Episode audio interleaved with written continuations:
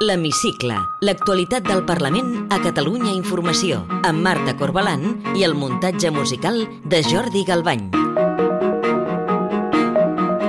Avui al programa L'Hemicicle posarem el focus en els discursos que Vox fa al Parlament en un moment en què el creixement de l'extrema dreta és la tendència en molts països europeus. A proposta d'Esquerra i la CUP, els grups estan estudiant com es poden prohibir els discursos d'odi o intolerants. Per això s'ha engegat un procés de reforma del reglament de la cambra. De tot plegat en parlarem amb diversos experts i amb el portaveu adjunt d'Esquerra al Parlament, Jordi Orovich, que és qui ha impulsat també el text de base per fer aquesta reforma reforma. Benvinguts a l'Hemicicle. Saldremos a las calles y frenaremos su golpe, no solo para salvar a España, sino para recuperar esa Cataluña que fue alegre, próspera y segura, y poner fin a esta Cataluña que más se parece a la Alemania nazi que a la Cataluña que fue, donde ustedes ahora persiguen a la disidencia Senyor política, diputat, negando diputat, senyor diputat, li demanaria un respecte i no fer discursos que porten a violència, que porten apologia a el que pugui ser doncs, contradiccions amb el que és els drets humans i els drets de les persones. Aquesta intervenció la va fer el líder de Vox a Catalunya, Ignacio Garriga, en l'última sessió plenària, però no és anecdòtica, sinó habitual de l'extrema dreta. Per això, a través d'una reforma del reglament de la cambra, es volen frenar aquest tipus de discursos. El professor de Filosofia Moral i Política de la Universitat Autònoma de Barcelona, Daniel Gamper, alerta del perill que això topi amb un dret fonamental com és el de la llibertat d'expressió i que tingui, a més, un efecte contrari al que es busca. Això sempre, de nou, tindrà l'efecte eh, pervers de la víctima. Aquell a qui se li tregui la paraula perquè ha dit una cosa que cau fora del reglament podrà dir que no se li està respectant la seva llibertat d'expressió. De manera que qualsevol mesura que intenti limitar pot tornar-se en contra de si mateixa. L'actual reglament preveu que es pugui expulsar un diputat en cas de pronunciar paraules ofensives adreçades a les institucions públiques, a un altre membre del Parlament o a qualsevol altra persona. Es tracta d'un plantejament molt genèric que deixa a la presidència de la cambra un ampli marge d'interpretació. La proposta d'Esquerra i la CUP és molt més concreta i defensa prohibir sancionar també els discursos d'odi o intolerants. La professora de Dret Constitucional de la Universitat de Barcelona, Mara Aguilera, ens ha deixat clar que no totes les expressions que poden ofendre un col·lectiu es poden prohibir. El Tribunal Europeu de Drets Humans ha dit que, que la llibertat d'expressió forma part de l'espina dorsal de la democràcia i que, per tant, només es pot limitar quan realment sigui necessari que fins i tot expressions que poden ofendre a tots o a una part de, dels col·lectius eh, de la societat no poden prohibir-se perquè eh, el debat és imprescindible, eh, la llibertat en el debat, i només en casos molt específics i necessaris es pot limitar la llibertat d'expressió. En las últimas semanas se han producido varios casos de abusos sexuales. Badalona, Vendrell, Cervera, Esparraguera o Salou, donde allí cuatro menores, señor Aragonés, tres de ellos de nacionalidad pakistaní y un marroquí, atacaron a una niña de 13 años. Y en Barcelona, un turista Diputat. fue arrojado tras un... Diputat, sempre fa les mateixes vinculacions. Les, de les seves afirmacions sempre se'n desprèn exactament el mateix pel qual ha estat criat a l'ordre moltes vegades. Tot i les crides a l'ordre de la mesa del Parlament, el líder de Vox insisteix sempre a assenyalar les nacionalitats dels detinguts. La pregunta és si es poden amonestar tots els discursos. L'expert en dret constitucional Mara Aguilera puntualitza que es poden posar límits als discursos d'odi, però només si compleixen uns requisits molt concrets. S'ha de ser molt, molt prudent, perquè hauria d'anar dirigit a una persona concreta, per considerar-se discurs de l'odi, que se l'estigui deshumanitzant, eh, que, que hi hagi una relació directa, que amb, amb aquesta deshumanització i el que es diu, que, una, que sigui una persona que ja hagi patit doncs, un genocidi, no? doncs, eh, com a, per exemple a Alemanya amb el tema de, no, dels jueus, del Shoah, etc. Molts cops també s'acusa Vox de fer discursos que promouen la violència, però no tot llenguatge incendiari és incitació a la violència o al terrorisme. La jurisprudència diu que hi ha d'haver una relació de causalitat i d'immediatesa entre les declaracions i uns fets posteriors. La professora de Dret Constitucional posa l'exemple de la sala al Capitoli dels Estats Units l'any 2021. Quan Trump està a prop del Capitol, hi ha aquells no sé com anomenar-los, aquelles persones que estan i que estan entrant i Trump diu, bueno, s'ha d'anar al Capitol, ens han robat les eleccions, etc. Mm, realment, perquè Trump sigui responsable, s'haurà de demostrar que realment hi ha aquesta immediatesa i aquesta relació de, de causalitat. Però mentre alguns parlaments intenten aïllar l'extrema dreta, aquesta continua penetrant en la societat. El professor de Filosofia Moral i Política Daniel Gamper creu que hi ha un motiu bàsic, que aquests partits parlen sense subterfugis ni eufemismes. És el fet que diuen les coses tal i com són.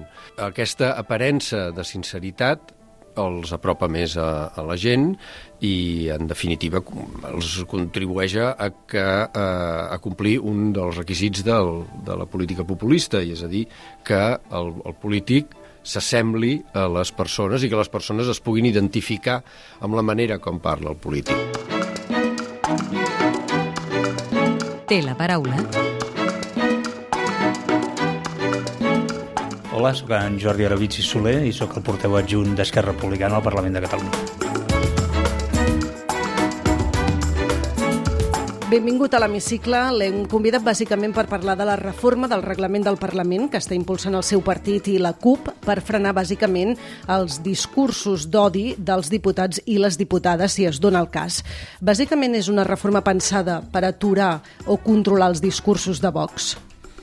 Bé, aquesta reforma té varis objectius i un d'ells sí és, en aquest cas, incidir en un tema que ens preocupa sobre manera, que és el fet de que les nostres institucions i més concretament el Parlament de Catalunya siguem testimonis de que cada vegada s'implanten uns discursos més beligerants amb la diferència, eh, diferència en aquest cas sobretot no, focalitzada en diferència d'origen, eh, diferència religioses, i entenem que són discursos molt perillosos perquè la tradició històrica ens ha donat la prova o ens ha evidenciat de que molts moviments totalitaris perdó, han acabat assolint el poder precisament utilitzant els canals democràtics per arribar al poder. No? I en aquest cas entenem que aquests discursos els hem de tallar d'arrel i ens hem de dotar d'eines, en aquest cas hem de dotar precisament a la presidència del Parlament i en el seu cas a les presidències de les diferents comissions d'eines per poder aturar aquests discursos i que no haguem d'improvisar mesures per aturar-los, que és el que passa a dia d'avui. Els experts amb qui hem parlat ens avisen que és, mm, per dir-ho així, perillós limitar els discursos d'una formació política perquè, d'acord amb tota la jurisprudència, l'europea també, la llibertat d'expressió forma part de l'espina dorsal de la democràcia. Ens diuen que només es pot actuar en casos molt específics i molt concrets. Temen que Vox ho aprofiti per acabar acusant el Parlament de vulnerar la llibertat d'expressió. Bé, Vox, de fet, eh, fa moltes acusacions. Jo vull recordar el darrer ple del Parlament el que va fer va ser dir que el nostre règim democràtic eh, era assimilable al règim nazi. Si hem de permetre que es fagin acusacions d'aquest tipus sense que comportin cap mena de conseqüència per a les persones que les formulen, estem entrant en un àmbit de banalització de polítiques i de pràctiques que històricament tots sabem quin han estat el resultat. Nosaltres compartim certament, doncs, eh, evidentment, que a l'hora d'establir quins són els criteris per entendre que concorre un discurs d'odi hem de ser molt, molt curosos precisament per no vulnerar la llibertat d'expressió en un Parlament que precisament ha vist els darrers, la darrera dècada ha vist com estava coartada la seva llibertat d'expressió en aquest cas per una sèrie de resolucions judicials que volien impedir una sèrie de debats.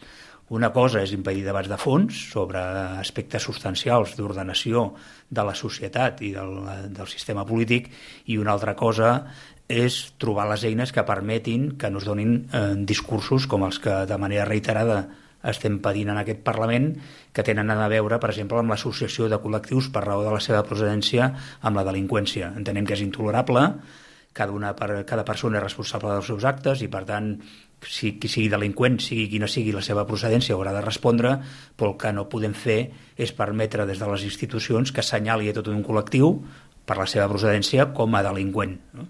I crec que entenc aquesta preocupació i també entenc que si bé és cert que hi ha resolucions del Tribunal eh, Superior de Justícia, perdó, del Tribunal de Justícia a la Unió Europea que precisament sí que doncs entren en matèria dient que no es pot restringir el discurs la majoria de les vegades, també és cert que in, in, institucions tan relevants com sigui el Parlament Europeu estan dotats d'un reglament que preveu precisament abordar aquestes circumstàncies i quines són, són les conseqüències en cas de que es produeixi aquest discurs d'odi. I aquest reglament es renova en el si de la institució europea i mai se li ha acudit a ningú tirar-lo enrere o deixar-lo d'aplicar perquè creiem que és de calaix per qualsevol demòcrata que s'han de trobar aquestes eines per intervenir aquests discursos. I en aquesta reforma del reglament que estan estudiant aquí al Parlament de Catalunya, quins mecanismes preveuen o quina resposta ha de tenir eh, si algun diputat o diputada fa aquest discurs d'odi? Quins mecanismes s'aplicarien? Bé, en aquest cas el que es fa és la voluntat, en aquest cas dels grups proposants. Sabeu que això, lògicament, ha estat sotmès a una sèrie d'esmenes per diferents grups parlamentaris. Sorpresivament, per exemple, el grup parlamentari socialista pretén amb les seves esmenes eh, tallar d'arrel qualsevol intervenció en aquest àmbit, quan de fet, com he dit abans, no, és un, són els termes, és que és la dicció literal del Parlament, del reglament, Euro, eh, del reglament perdó, perdó, del Parlament Europeu, per tant no entenem aquesta discrepància, és, evidentment són un grup dels més majoritaris al Parlament Europeu, i d'altres intenten modular-lo, eh, creiem que de manera equivocada. Nosaltres a la ponència tenim la confiança de, de poder arribar a bon port.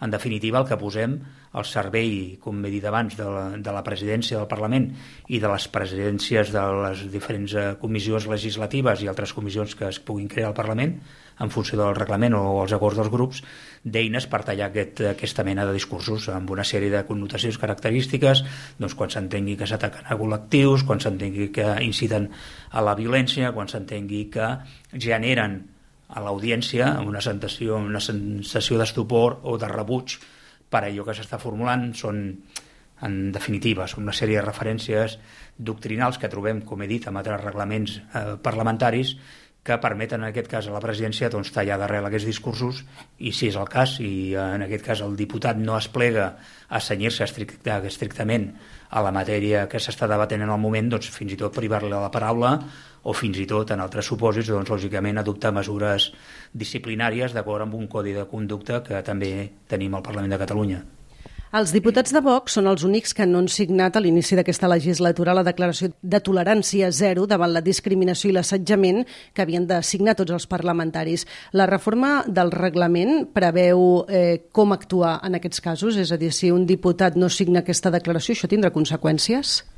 Aquestes persones no podran formar part d'aquests diputats, diputades, no podran formar part de les delegacions oficials del Parlament de Catalunya i no podran ostentar càrrecs parlamentaris. Junts per Catalunya vol aprofitar la reforma del reglament per eliminar el polèmic article 25.4 que tant vam sentir-ne parlar durant el cas de Laura Borràs. Aquest article diu que quan s'obre judici oral a un diputat per delictes de corrupció se l'ha de suspendre immediatament. Vostès són partidaris d'eliminar aquest article?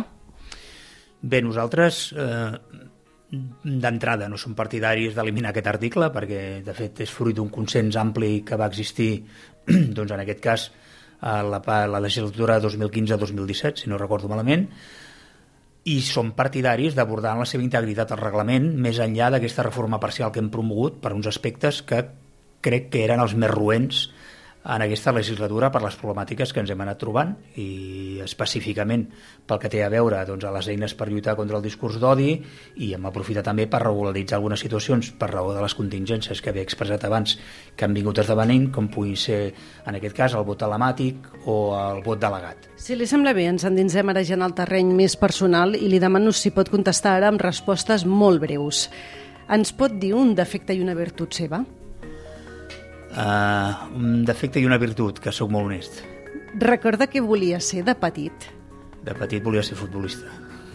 Quin diputat o diputada ideologia a banda fitxaria per al seu grup? Home, potser per les seves dots dialèctiques, tot i que no comparteixo les seves intervencions, a vegades el diputat, el portaveu del partit, perdó, el president del grup parlamentari del Partit Popular, Alejandro Fernández. Té algun paisatge favorit? Sí, els camins de ronda del meu municipi Lloret de Mar a la Costa Brava. I ja per acabar, completi la frase següent. El que més m'agradaria del món és... Que Catalunya esdevingui un estat independent en forma república. Jordi Orovich, portaveu adjunt d'Esquerra al Parlament, gràcies per atendre'ns a l'hemicicle de Catalunya Informació. Moltes gràcies a vosaltres. Podeu tornar a escoltar l'hemicicle al web catradio.cat barra hemicicle o al podcast del programa i seguir l'actualitat del Parlament al perfil de Twitter arroba L-hemicicle.